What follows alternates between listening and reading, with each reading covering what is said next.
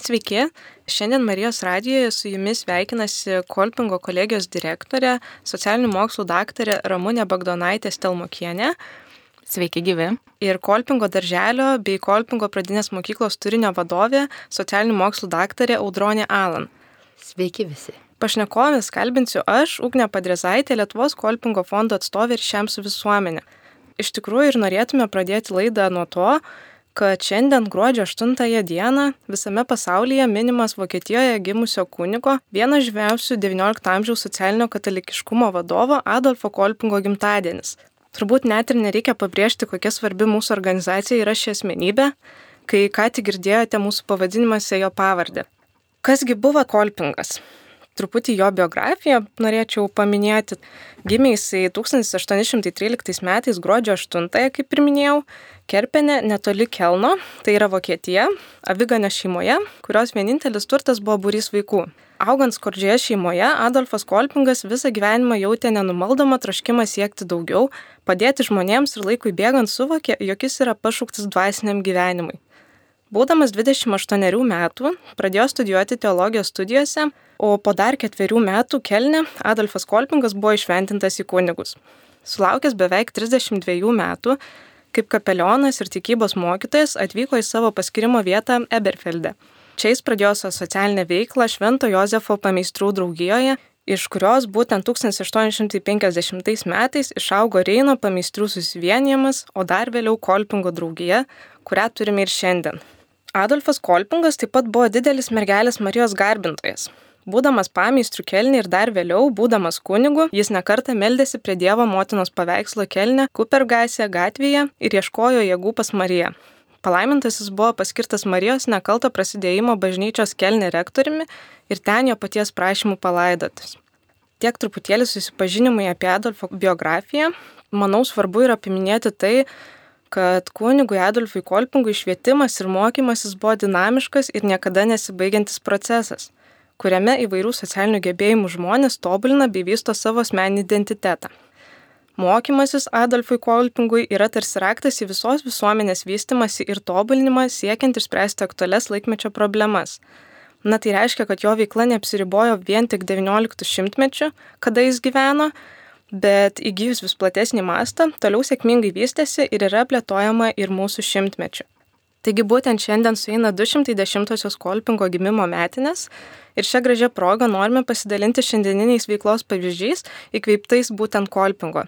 Na tai dabar jau bus mano proga pakalbinti mūsų laidos višnes. Norėčiau pradėti gal nuo tokio labiausiai su Kolpingu susijusio klausimo, būtent kuo jums labiausiai patinka palaimintojo Kolpingo asmenybė ir jo veikla. Ramūnė, galbūt jūs. Man pačiai, pirmiausia, kaip socialiniai darbuotojai ir edukologija, iš tikrųjų labai imponavo pats Kolpingas kaip asmenybė. Nes jisai rūpinosi pirmiausiai ir labai labai didelį dėmesį skyrė jauniems žmonėms, esantiems socialinėje atskirtyje arba galintiems patirti socialinę riziką įvairiausią.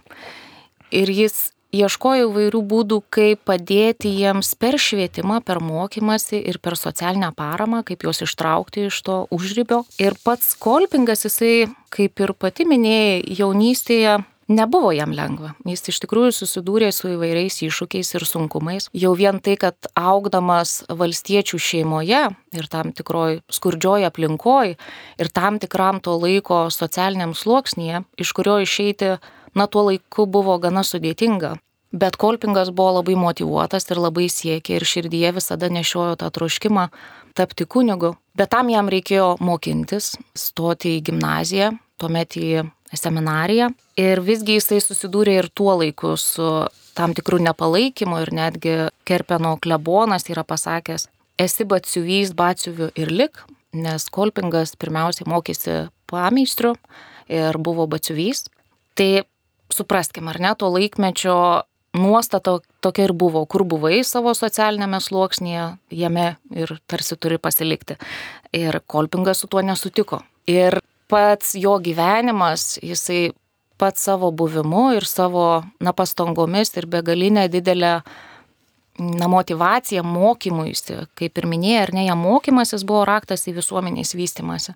Ir mes tą mintį jo nešiojamės ir Kolpingo kolegijoje, pats Kolpingas jisai troško tarnauti ir pasišvesti jauniems žmonėms, tai mūsų visi švietimo projektai, pradedant nuo darželio, pradinės mokyklos ir kolegijos, tą misiją toliau neša ir ta veikla jo toliau yra tesiama. Ir perduoti, ar ne, stengiamės tą kolpingo dvasę ir kolpingo motivaciją nuolat aukti, nuolat stiprinti save ir kartu užaugus stiprinti ir padėti stiprėti kitiems. Be abejo, su Dievo palaima ir su Dievo palaikymu ir begaliniu tikėjimu. O man kaip švietimo darbuotojai, kaip edukologiai, imponuoja Adolfo Kolpingo platus matymas ir gebėjimas apčiuopti laikmečio poreikį. Žinant tai, kad jis išėjo iš žemesniųjų socialinių sluoksnių, jis e, prasimušė savo matymę, supratime ir savo mąstymę labai toli. Ir kitas dalykas, turėdamas šitą platų požiūrį ir tokį strateginį matymą, pasakyčiau, jisai savo labai konkrečiais veiksmais sugebėjo padėti konkretiems žmonėms čia ir dabar esantiems aplink jį. Ir jo veikla ir projektai, jie buvo tokie žemiški, tokie demokratiniai, tokie humanistiniai Ir būtent savo šitą laikyseną, plačių matymų ir tokiu konkrečiu veikimu padedant kiekvienam žmogui, jis vat ir įpareigoja mus švietimo projektuose bandyti daryti tai, suprasti, kas čia dabar vyksta ar ne, pagauti laikmečio dvasę ir pabandyti padėti kiekvienam esančiam šalia, atverti jam galimybės ir nepamiršti to silpnesnio, to, kuriam socialinis sluoksnis nesuteikia tos galimybės. Man jų asmenybėje šitie dalykai imponuoja labai. Lietuvoje kolpingo veikla vyksta jau 30 metų, ar ne? Ir per tą laikotarpį išsivystė kelias skirtingas organizacijas. Tai jūs jau ir paminėjote, kad yra švietimo projektai, tai galbūt irgi galėtumėt klausytojus susipažindinti su jais, kas tai per švietimo projektai, kuo jie užsiema ir kokios tos pagrindinės veiklos. Tai galim pradėti tada nuo švietimo projektų skirtų patiems mažiausiems, ar ne? Tai jau 12 metų Lietuvoje Lietuvos kolpingo fondas vysto kolpingo darželio projektą kuris išaugo nuo mažytės mišrios grupės į tokį darželį, kuriame renkasi vaikučiai nuo metų trijų mėnesių iki penkių metų. Ir čia mums svarbu yra kiekvienam vaikui ne tik suteikti tą kokybišką priežiūrą ir individualų dėmesį, bet ir užtikrinti tą visuminį ūkdymą ir suteikti galimybės ir išplėtoti jų gebėjimus visomis linkmėmis ir perduoti paskiau į viršutinį projektą. Toliau yra pradinė mokykloje, mes jau turime daugiau tokių veiklų, nes ten įgyvendiname ir prieš mokyklinio ūkdymo programą, ir pradinio ūkdymo programą, ir taip pat turime neformalaus ūkdymo projektų. Tai veikla jau ganėtinai plačiai įsiplėtojus. Dabar jeigu kalbėčiau apie neformalaus ūkdymo projektą, pradėčiau, kadangi dabar kaip tik neseniai mes startavome praeitą šeštadienį, šeštadieninę lietuvių kalbos mokyklą, tai jis man irgi būtų toks pavyzdys, kaip Kolpingas sekė to laikmečio dvasę, taip mes dabar bandom suprasti, kas vyksta su lietuvių kalba globalioje Lietuvoje. Padedame vaikams 5-6 metų Vieni, kurie yra dvikalbiai, kiti, kuriems su kalba yra sunkiau, tretiem, kuriems reikia padėti pasiruošti mokyklai, skiriam papildomą dėmesio ir atveriam jam galimybės, kad kalbinis barjeras nepribotų jų ūkdymosi galimybių. Toliau pradinėje mokykloje mes kaip ir įgyvendinam visas Lietuvoje galiojančias pradinio ūkdymo programas, Bet mūsų išskirtinumas yra tas, kad mes, būdami Kolpingo pradinė mokykla, mes įgyvendinam Kolpingo pedagogikos principus ir mums yra labai svarbu individualus požiūris į kiekvieną vaiką ir sukūrimas galimybių kiekvienam judėti savo tempu ir netgi savo trajektoriją. Toliau būdami tarptautinėje Kolpingo šeimoje, turim savo steigėjų, savo draugų Vokietijoje Ir jau ketvirti metai mes įgyvendinam antrosios užsienio kalbos, vokiečių kalbos programą nuo antros klasės. Taip pat mes įgyvendėm savo unikalią dorinio ūkdymo programą, kurioje integruojame etikos ir tikybos dalykus. Pradinėje mokykloje mums labai svarbus socialinis emocinis ūkdymas, mes taip pat šitą programą darom. Ir kadangi kolpingo idėjos įpareigoja mus ūkdyti asmenį atsakingą už save ir už aplinką, Jau nuo antros klasės mes tiesiogiai gyveninam mąstymo lavinimo programą, nes tik mąstantis individas gali būti atsakingas ir priimti atsakingus sprendimus. Daug galėčiau dar pasakoti, nes atrodo penki metai mūsų mokyklai, mokyklos projektas yra pats jauniausias, jisai vis dar formuojasi ir vis jame mes ką nors naujo įgyvendinam, bandydami atliepti atsiradusi poreikį. Tai paskui jau toliau, kai kalbėsime, vystysim idėjas, tai dar išryškinsiu kažką svarbesnio aš galėčiau tuomet pratesti, mes taip gražiai pradėjom nuo pačių mažiausių mūsų, taip ir vadinam kolpingiukų, tai yra kolpingo darželės, pradinė mokykla, ir, na ir turime kolpingo kolegiją, kuri veikia Lietuvoje jau 27 metus. Tai yra bendruomeninė, nevalstybinė aukštoji mokykla, norisi pabrėžti žodį bendruomeninė. Jau vien tuo mes skiriamės iš kitų aukštųjų mokyklų.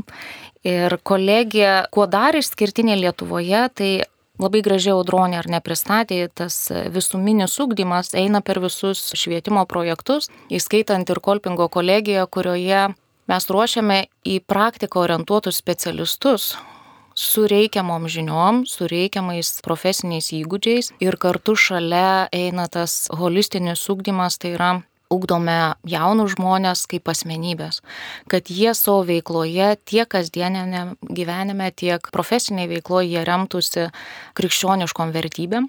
Ugdome tuos, na mes vadiname socialinius lyderius, tai yra tie, kurie rūpinasi aplink savo aplinką, savo bendruomenę, savo šeimą, savo artimų.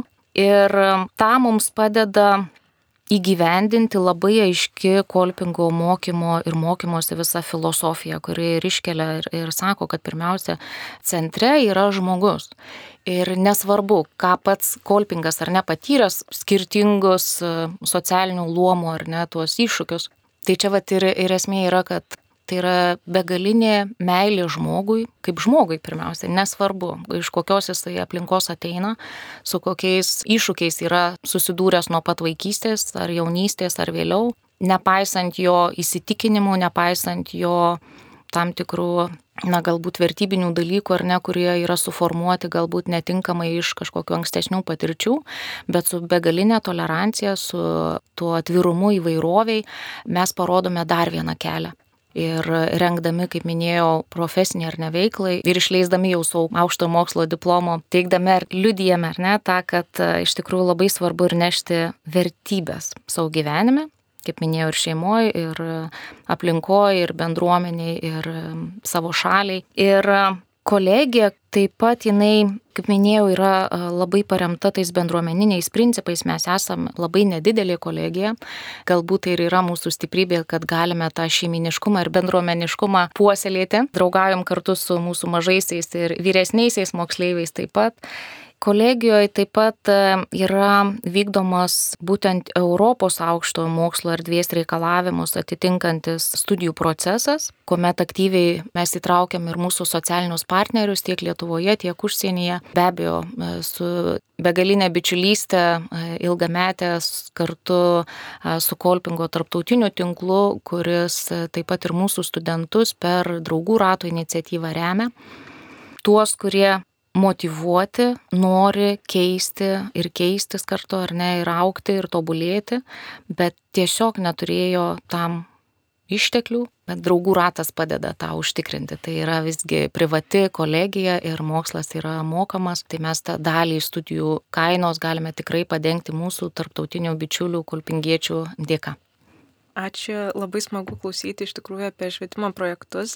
Ir jau ir užsiminėt, girdėjau, kad apie dešimt kolpingo pedagogikos principų ir truputėlį ir vertybės visas užčiapėt, na, bet gal dar yra kažkokios kolpingo akcentuojamos vertybės, kažkokie tikslai, ne, kurie atskleidžia būtent jūsų organizacijoje.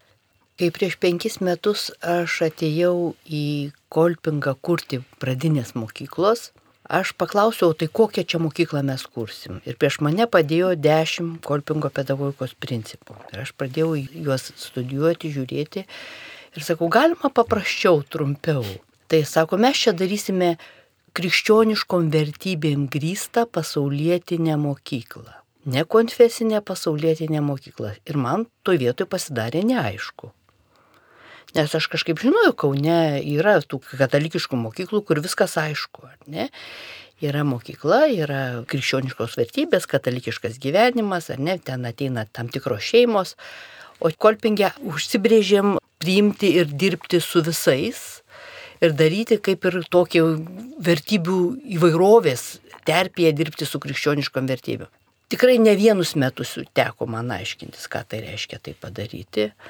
Ir vis dėlto atsakymas yra labai paprastas. Sakiau, ką tai reiškia tos krikščioniškos vertybės pasaulietiniai mokyklai. Sako, nelikstama, besąlygiška meilė kiekvienam artimui savo, ar ne? Ir tada, kai labai tas trumpas atsakymas atėjo, tada man į vietą sustojo ir visi principai. Ir būtent iš tos krikščioniškos meilės ateina pirmasis principas, kur sakom, kad centre yra žmogus. Ir tas žmogus yra vaikas, tas žmogus yra mokytojas, tas žmogus yra mama tėtis globėjas, kuris atveda vaiką. Ir jeigu pavyksta tai išsaugoti, tai irgi labai svarbu. Taip pat iš krikščioniškos meilės artimui savo ateina ir antrasis principas - teisė į ūkdymą kiekvienam ir apsisprendimas nerušiuoti, netrinkinėti, kaip aš, aš vadinu, nenusigriepti kremo nuo visų piragaičių, bet dirbti su tais žmonėmis, tais vaikais, kuriems mes galime padėti, kuriems mes galime suteikti galimybę. Trečias principas, kuris atkeliauja iš tos krikščioniškos meilės artimui savo, yra atvirumas įvairoviai įvairovė mums nėra vien tik tai, sakysim, toleruotinas prieimimas realybės, bet mums yra kaip vertybė. Kad kiekvienas pas mus atėjęs vaikas, kiekvienas atėjęs mokytojas, kiekvienas atėjęs darbuotojas yra skirtingas ir įneša savimi kažko kito. Ir mums dovanoja save ir mes tada stengiamės kiekvienam sudaryti galimybę. Išryškinčiau dabar tuos tris principus, kurie man iš principo reiškia tą krikščionišką ūkdymą pasaulietinėje mokykloje, nes pas mus susirenka šeimos, vaikai iš įvairių pagrindų, iš įvairių šeimų.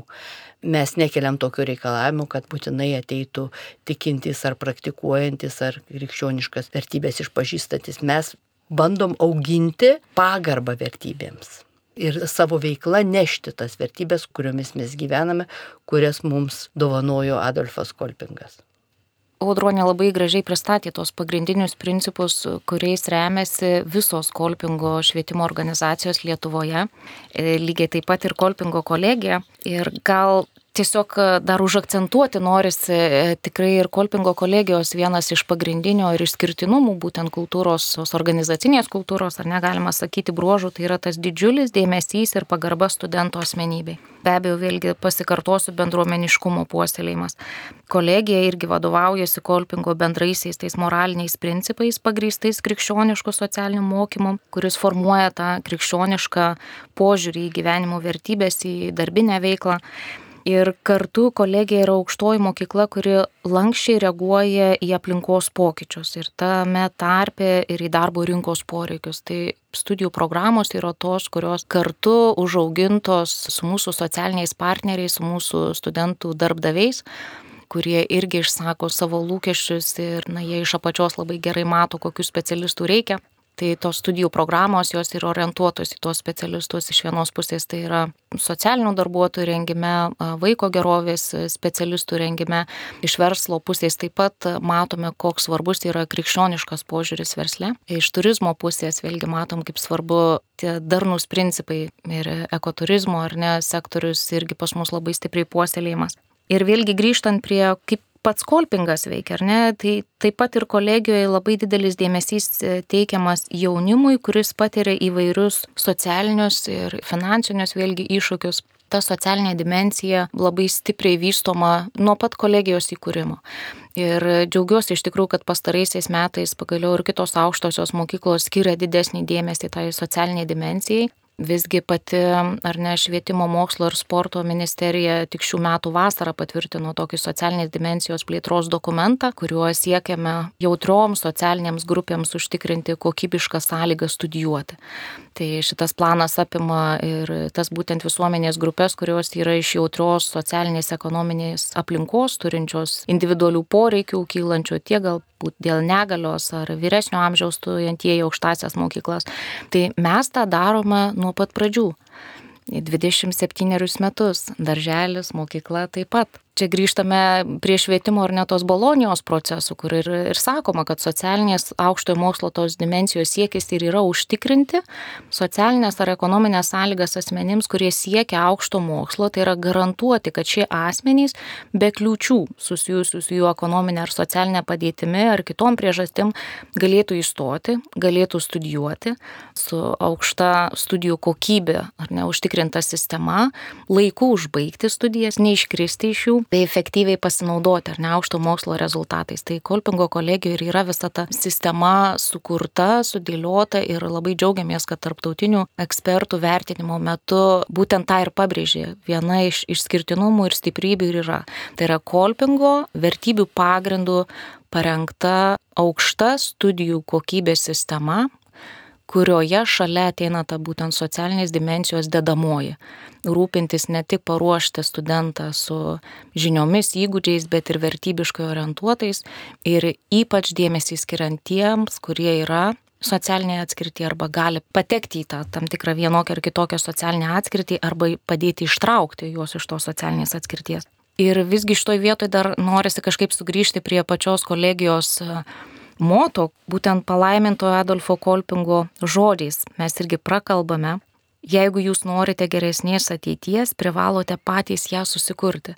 Tai visi mūsų švietimo projektai ir organizacijos, jos stengiasi padėti pamatus, kad išleistume jauną žmogų, vaiką, studentą ar vyresnį žmogų, nesvarbu, bet sustiprintume jo pamatus, na, atlikti ir kaip Kolpingas sakė, būti geriausia savo paties versija.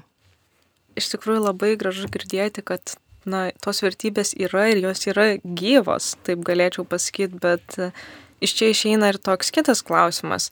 Ar turėti būtent organizacijos vertybės šiandien yra laimėjimas ar pralaimėjimas? Na, vis tiek susiduria turbūt su kažkokiais iššūkiais ir kaip jos pavyksta įveikti, o galbūt nepavyksta, ar būna tokių situacijų ko gero visur būna tikrai ir iššūkių ir mes susidurėme su tais iššūkiais ir galbūt vienas iš jų, su kuriuo aš tikiu, kad susiduria šiuo laiku visi, tai yra su tam tikru nerimu ir tam tikru neužtikrintumu dėl ateities. Aš kalbu apie karą Ukrainoje ir konfliktą ar ne karinį Izraelyje. Ir šioje vietoje aš kitaip nematau, tik tai gali remtis krikščioniškom vertybėm, nepamesti to, ar ne, nes labai greitai gali išjudinti ir na, tą pamatą vėlgi, ar ne, labai greitai sugriauti, bet to, jeigu remiesi būtent tom bendražmogiškom ar ne vertybėm, tu supranti, kad tu nesi vienas ir ieškai būdų, kaip padėti ir kitam, kuriam labiausiai reikia tos pagalbos. Mes taip pat turime Kolpingo kolegijoje studentų ir iš, iš Ukrainos ir jiems sudarytos sąlygos studijuoti, būtent padengiant jiems studijų kainą. Na, galbūt dar vienas iš iššūkių Kolpingo kolegijoje būtent tikrai nėra lengva, ar ne, dirbti su socialinė atskirtyje ar socialinė rizika patiriančiais jaunuoliais čia labai gražiai skamba, ar ne, vertybės, studijų kokybė ir panašiai, bet iš tikrųjų tai yra juodas darbas ir dažnai mes sakom, tai yra iš pašaukimo darbas. Bet kai eini su kolpingo dvasia ir su begalinė meilė žmogui, kažkaip tuos iššūkius pavyksta kartu išspręsti. Kažkaip stebim, kad e, visgi tas iššūkis labiau gal ne vidinis, bet išorinis, nes e, jaučiame, kad karts nuo karto tarsi, na, jaučiame tokį spaudimą įrodinėti, kokie mes esame ir kad priimame ar ne studentus, kurie yra ar su mažesniais balais, ar, ar būtent ar ne iš tos, grubiai gal pasakysiu, socialiai ar ne tokios pažeistesnės tam tikros erdvės ar kontekstinių tam tikrų dalykų, bet vad būtent ir nesigilinant į tuos kontekstinius dalykus ir labai lengva nurašyti tokius jaunus žmonės, pasakyti tiesiog, eik dirbti, emigruok ar ne, bet e, mes tie, kurie suteikiam tą sąlygą siekti aukšto mokslo, jeigu tikrai tu nori ir esi motivuotas, tai visa ta sistema jinai veikia, bet e, taip, tai yra pakankamai sunku ir visgi, kaip sakau, tai yra atidirbta sistema, ko gero su paties kolpingo dvasios pajautimu. Kai kyla iššūkiai, kolpingas sugeba rasti išeitis, e, suburdamas reikiamus žmonės, suburdamas reikiamų laikų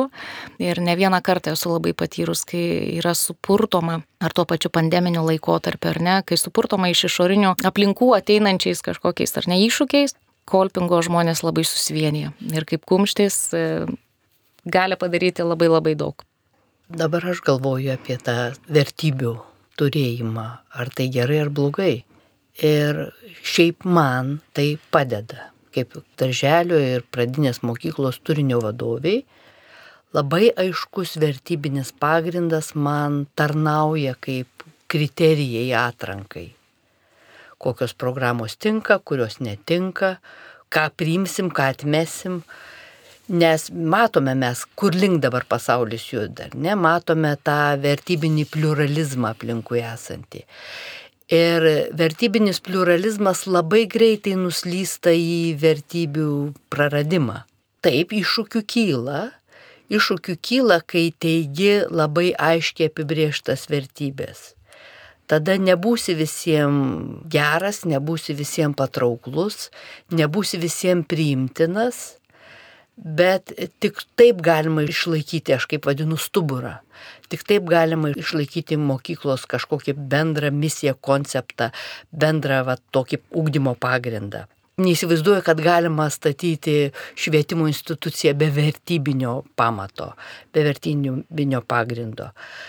Dabar galvoju, kokie dar tie iššūkiai čia mūsų mokykloje kyla, ar ne? Ir grįžtant vėl prie kolpingo, ta humanistinė tradicija, tas individualus požiūris, tas bandymas atliepti ir patenkinti kiekvieno asmens, kiekvieno ugdytinio individualius ugdymosi poreikius iš vienos pusės, o iš kitos pusės ugdyti už save ir už aplinką atsakingą individą.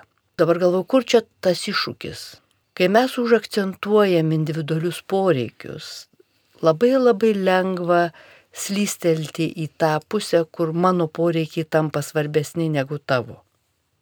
Ir toj vietoj bendruomeniškumas ir atsakomybė už šalia esantį, jinai mažėja. Ir ta vieta yra sudėtingiausia ūkdymo institucijoj, ją kurti, ją statyti, dar kadangi mes dirbame su darželėje pradinėje dar tikrai labai jaunais asmenimis. Bet jie yra veidrodukai mūsų visuomenės kuri vis tiek yra labiau orientuota į savo poreikio patenkinimą. Ir tas atsisukimas ir atsakomybė už šalia esantį, už tai, kaip mes kartu gyvensime. Ne? Ir kartais aš juokauju, kad mokykloje tas tikrasis ūkdymas vyksta ne ten, kur mokiniai sėdi klasėse, o tada, kai jie kartu susirenka to žaidimų erdvėje ir kai kiekvieno veiksmas įtakoja kitų gerbuvį. Ir kai jie pajunta, kad tam, kad čia jiem visiems būtų gerai, jie patys turi kažką padaryti. Taip. Ir tada ima patys kurti tą mokyklą, kurioje jie norėtų būti. Ir mes tikime, kad ateityje jie užaugę kurs tą visuomenę, kurioje jie norės gyventi. Ir taps už ją atsakingi. Tai va tie iššūkiai kiekvienoje vietoje išlenda ir tuos iššūkius įveikiant mes ir augam, ir kuriam, ir vystom savo projektus kaip ir kiekvienas žmogus, taip ir kiekviena organizacija, turbūt visi turi kažkokius ateities tikslus, siekius, kurių norima pasiekti. Ir na, Kolpingo kolegija jau 27 metus gyvuoja, darželis 12, o mokykla 5. Tai vis tiek turite kažkokią galbūt ateities viziją, kažkokius norus, kuriuos norėtumėt išpildyti. Tai galbūt pasidalintumėt mes ir toliau sieksime nešti būtent kolpingo šviesą visuomeniai ir toliau vykdysim aukštos kokybės studijas. Ir ko galbūt norisi daugiau ir, ir mūsų tos misijos įgyvendinimui norisi tokios ir kitiem įpūsti daugiau drąsos šiame tokiam neužtikrintam laikotarpį, primenant, kad iš tikrųjų kiekvienas iš mūsų pradėti turime patys nuo savęs. Ir man labai kažkaip gražiai prakalba paties palaiminto Adolfo Kolpingo žodžiai, Jisai yra pasakęs, jei kiekvienas savo aplinkoje darys tik gerus darbus, tai pasaulyje greitai viskas atrodys geriau. Ir dar jis tęsė, jau galima kiekvienoj pozicijai, nesvarbu kokioj bebūtum ar ne, kiekvienoj vietoj nuveikti daug ką gero, jei tai būsim nusiteikę, jeigu tam būsim ir dirbsim iš širdies. Tai norisi ir palinkėti ir mūsų organizacijoms, ar ne, kad tas darbas ir toliau su pašaukimu ir iš širdies būtų vykdomas ir ta misija nešti kolpingo vėliavą, kolpingo, na, toliau tas įgyvendinamos darbus ir mintis e, su tokiu užsidegimu ir su palaikymu vienas kito ir su bendruomeniškumu kartu. Kalbant apie siekius, aš matau tokius e, tris labai skirtingus projektus, ar ne? Turiu jauną 27 metų jaunuolį kolegiją, kuris jau rimtai žiūri į gyvenimą ir į ateitį ir jau tęsia pradėtą kelią. Aš labiau atstovauju tą į paauglystę ateinantį darželį, 12 metų, tai jau greitai ta tikroji paauglystė prasidės ir dar vaikystėje gyvenanti čia pradinę mokyklą yra augimo tikslai. Kalbant apie darželio ir pradinės mokyklos švietimo projektus, tai pagrindiniai vat, tikslai eina užaukti. Kaip vaikučiams sako, augdidutis būk gerutis. Tai artėti prie principų. Tie principai, kurie mums duoti, mes link jų einam, artėjam, jis kaip mums siekis ir ta, ta ideali būsena. Organizacinė prasme visada, kai jau truputį dar paauksim su tais projektais ir pasidarysim tokie didesni, rimtesni, patyrę labiau, aš tikiuosi labiau stipresnės energijos tarp skirtingų ugdymo projektų. Šiandien prie stalo mes neturime kolpingo draugijos atstovo.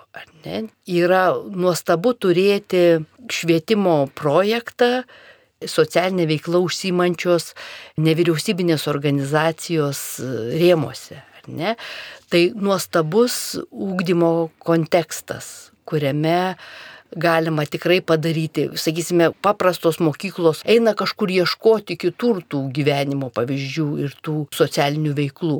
O mes viską čia pat turim po kolpingo stogų. Tai man tokia mintis, kad va dar po metų kitų mums e, užaugus ir sustiprėjus galima būtų dar stipriau integruoti tuos skirtingus projektus, išgauti tą tarpusavio sinergiją kadangi švietimo projektai pas mus, tai tas siekinys jis jau įvardintas savo gyvenimą kuriantis už save ir už aplinką atsakingas asmuo. Tai į jį mes einam, mes jam tarnavom, žiūrim, kad jis atsirastų. Ir darom viską, ką dabar galime tokiomis sąlygomis padaryti. Dėkoju šviesias mintis, bet galvoju, kad vis dėlto man labai norisi paklausti būtent apie jūsų asmeninę patirtį kaip jūs atsiradot šioje organizacijoje, kaip jūs susipažinot su netiesiogiai kolpingu, bet taip pavadinsiu su kolpingu. Nežinau, ar turėjo kažkokią įtaką būtent buvimas šios bendruomenės visos dalimi. Audronė, galbūt jūs pradėkit. Mano tas buvimas buvo skirtingas. Aš jau paminėjau, kad atėjau prieš penkis metus kurti mokyklos. Bet tai nebuvo mano pirmas santykis. Jeigu atsuktume istoriją atgal, tai jau būtų ko prieš 25 metus kokius, kai dar buvau jauna ir su kasom, teko bendrauti su Kolpingo draugija kaip su partneriu, įgyvendinant vieną gerontologinį projektą, kuris buvo skirtas pagyvenusiems žmonėms ir kuris sprendė problemas iš medicininės, socialinio darbo, teisinės perspektyvos. Jis buvo toks labai gilus integruojantis projektas ir man kaip jaunam žmogui buvo pirma pažintis pažiūrėti, ką čia tas kolpingas daro ir kodėl jis šitokius dalykus daro, kas čia vyksta. Tada susitikau su žmonėmis, kurie toj vietoj sukosi ir kalbėjomis. Ir iš to laiko tarpio gal stipriausiai liko tokia diskusija apie būdą bendradarbiauti. Ne? Jeigu mes verslo sektorija kalbam apie tai, kad sueina akcininkai, sudeda pinigus, sukuria ten kažkokį bendrovę, Tai čia kalba ėjo apie tai, kad mes sueinam kartu sutartas vertybės, susitarėme dėl sutartų vertybių ir visi kartu sunešam tai, ką mums davė Dievas ir ką mes patys savo kelyje susirinkom. Ir net buvo toks pavadinimas Dievo dovanų fondas. Ir aš su ta idėja, kad galima ateiti, susirinkti, susitarti dėl vertybių ir sudėti tas savo dovanas kartu, kad galėtume kartu kurti. Tai man buvo toks irgi įspūdis ir supratimas visiškai kitoks apie organizacijas, apie bendradarbiavimą, apie davimą, ar ne, kad mes kiekvienas turime ką duoti. Dar prisimenu, buvo vienais metais teko susitikti, kai Kolpingas vystė jaunimo lyderių programas. Aš nežinau, Ramūnė prisimena tuos laikus. Vieni pirmųjų nepriklausomųjų Lietuvoje įgyvendino jaunimo lyderių mokymus. Iš mokyklų susirinkdavo jaunimą ir juos įgalindavo, nes aš, kadangi esu švietimėtė, aš labai prisimenu, kai ta mokykla sunkiai išsilaižė iš sovietinio paveldo, kur vaikai, mokinukai mokėsi sėdėti suoluose ir paklusti. Ir tą tapimą lyderiu, to laikmečio poreikį vėl pagavo Kolpingas. Taip kaip Adolfas Kolpingas prieš 200 metų suprato, kad tuo metu reikia tokio socialinio veiksmo, kad reikia atsvaros va, tam marksizmui plintančiam, kad galima kažką padaryti žemesnio sluoksnio žmonėms suteikiantiems galimybės. Tada Kolpingas tą suprato. Ir Kolpingas nepriklausomybės pradžioj suprato, kad Lietuvai reikia lyderių. Ir tais metais, ar ne, aš dabar tiksliai neprisimenu, kada, tikrai prieš 25 kokius metus, vyko tos lyderių programos. Dar dabar pažįstu tos suaugusius žmonės, kurie tas programas praėjo ir kurie pasijuto įgalinti kurie pasijuto būdami paaugliai ir jaunuoliai, pirmą kartą nusikratę nuo savęs to tokį šleifą, kur buvo, kur nesijautė savimi, ne, kad nuo jų priklauso, kad jie gali padaryti, kad jie gali kažką pakeisti. Tai vad mano tie pirmieji galbūt susitikimai prieš 25 metus ir suformavo mano požiūrį į Kolpingo organizaciją ir, ir todėl, kai prieš penkis metus atėjo pasiūlymas daryti mokyklą, man klausimų nekilo, ar ne? Jeigu po tą vėliavą, jeigu su šitom vertybėm, jeigu dirbame ties jaunimo įgalinimu, tai man tinka. Ir aš sakiau, aš taip atnešiu viską, ką per tos 25 metus sukaupiau, ką išmokau, ką man davė Dievas, ką mamytė tėtis įdėjo, ar ne, viską tą dėsiu ir mes visi kartu galėsim sukurti. Ir, ir visi šalia, kurie ateina, irgi atneša savo. Tai vad man buvo, buvo šitas toks per patyrimą pirmąjį ir susiformavo tas supratimas apie tai, kaip veikia nekomercinės struktūros. Ir dabar, kai ateina žmonės ir klausia, kokio tu čia mokykloje dirbi, aš sakau, čia tos privačios, sako, ar ne, čia tas biznis, jūs čia biznį darot. Sakau, ne, mes esame nevyriausybinė organizacija, socialiai orientuota, nepelno siekianti, misiją turinti ir ją įgyvendinanti organizacija, kurios paskirtis yra ne sakysim, piniginius dividendus kaupti, o visus auginti žmonės iš to, ką mes visi sunešam, ne, nebūtinai finansinė prasme. Mes sunešam savo darbą, įnešam savo talentus, įnešam savo įgūdžius iš visur, ar ne, ir bandom įgyvendinti tai, ką Adolfas Kolpingas mums parodė prieš 200 metų. Aš klausau audronės ir labai aiškiai irgi prisimenu savo pirmąjį susidūrimą su, su kolpingo bendruomenė. 15 metų esu Kolpingo kolegijoje ir puikiai prisimenu tik baigusi studijas. Magistro buvau pakviesta kaip socialinio darbo lektorė ir susipažinau artimiau, kas tai yra tas Kolpingas, kas yra Kolpingo kolegija. Ir gavau lengvą šoką, gerąją prasme, nes taip stipriai pajaučiau, kad tai atliepia būtent mano vertybės. Kaip taip gali būti, galvoju, kolegija, aukštoji mokykla ir bendruomenė. Tai nėra tiesiog institucija, pastatas, taip dėstytoja, administracija, studentai ar ne, bet tai yra bendruomenė, kur susipina ir mokslas, ir socialinės darbas, ne, ir ta bendruomenė ir būtent ta orientacija, tas vertybės, būtent krikščioniškas vertybės labai labai mane patraukė ir tėvai ir mano aplinka mane suformavo tokia, kokia esu, bet kolpingas leido ir suteikė erdvę iš tikrųjų toliau puoselėti savo visą gyvenimą, toliau ar ne būtent paremta tomis vertybėmis.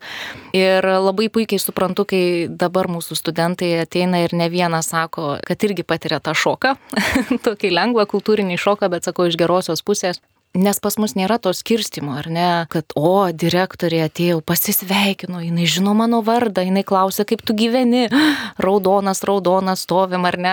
Pripranta ir jie supranta, kad tai yra, mes net ir studentus dažnai vadinam tiesiog kolegom ir nėra studentas ar aukščiau dėstytojas, profesorius ar ne, administracijos darbuotojai ar direktoriai ar rektoriai, bet yra bendruomenės nariai, yra tie patys mūsų kolpingo akademinės ar ne šeimos nariai ir tą labai stipriai stipriai puoselėjam ir tą labai pajaučia ir mūsų studentai, ir mūsų mažiausi, ir jų tėveliai.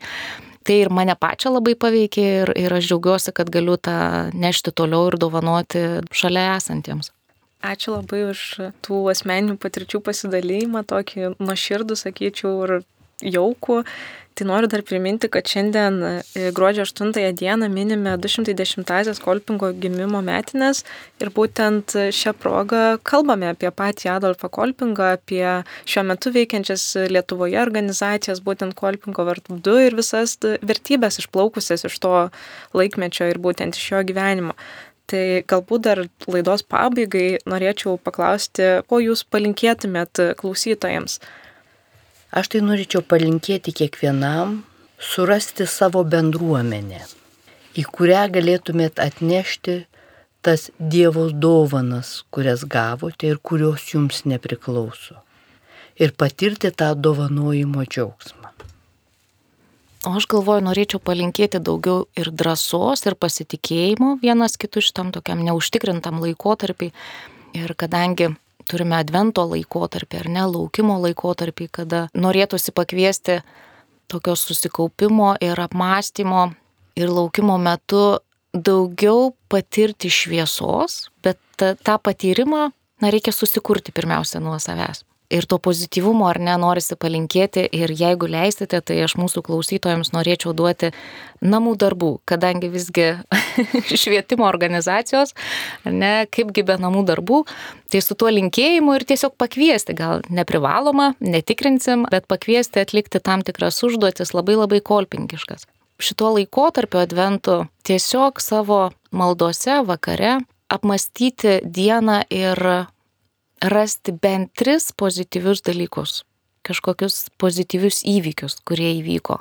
Ir kitos dienos bėgyje rasti bent tris žmonės, nebūtinai savus. Labai linkėčiau išdrysti ir prieiti prie svetimų ir pasakyti kažką gražaus. Komplimentą, palinkėjimą, galbūt ne žodžiais, o tiesiog apsikabinti. O taip kolpingiški namų darbai pabaigai. tai šią tokia gražia gaida turbūt aš jau eisiu ir link pabaigos, tai dar nuo savęs norėčiau pridėti, kad nors ir jau kolegės ne vieną kartą, kaip ir minėjo, bet iš tikrųjų kolpingo bendruomenėje tikrai yra laukiami visi, tiek ir norintys studijuoti, mokytis, galbūt tiesiog savanoriauti, kažkaip atrasti save ir įprasminti save.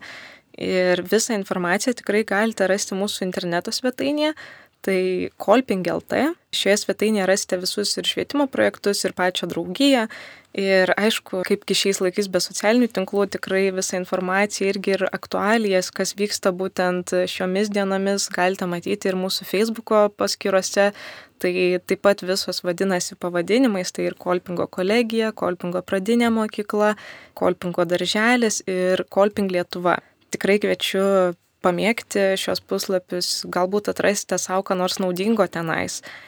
Ačiū, kad klausėtės. Tikiuosi, kad kiekvienas iš mūsų pokalbio galėjo atrasti, išgirsti ar pasisemti bent dalelę savo tos naudingos informacijos, žinių, ar tiesiog įgyti kažkokį šviesų supratimą, nes, na, turbūt apie kolpingo kurį nors švietimo projektą galbūt ir tikrai esate girdėję, bet niekada nesusimastėte, kas tai iš tikrųjų, apie ką jie, ne? Tai dabar galbūt ir bus aiškiau ir tikrai nušvis kažkas.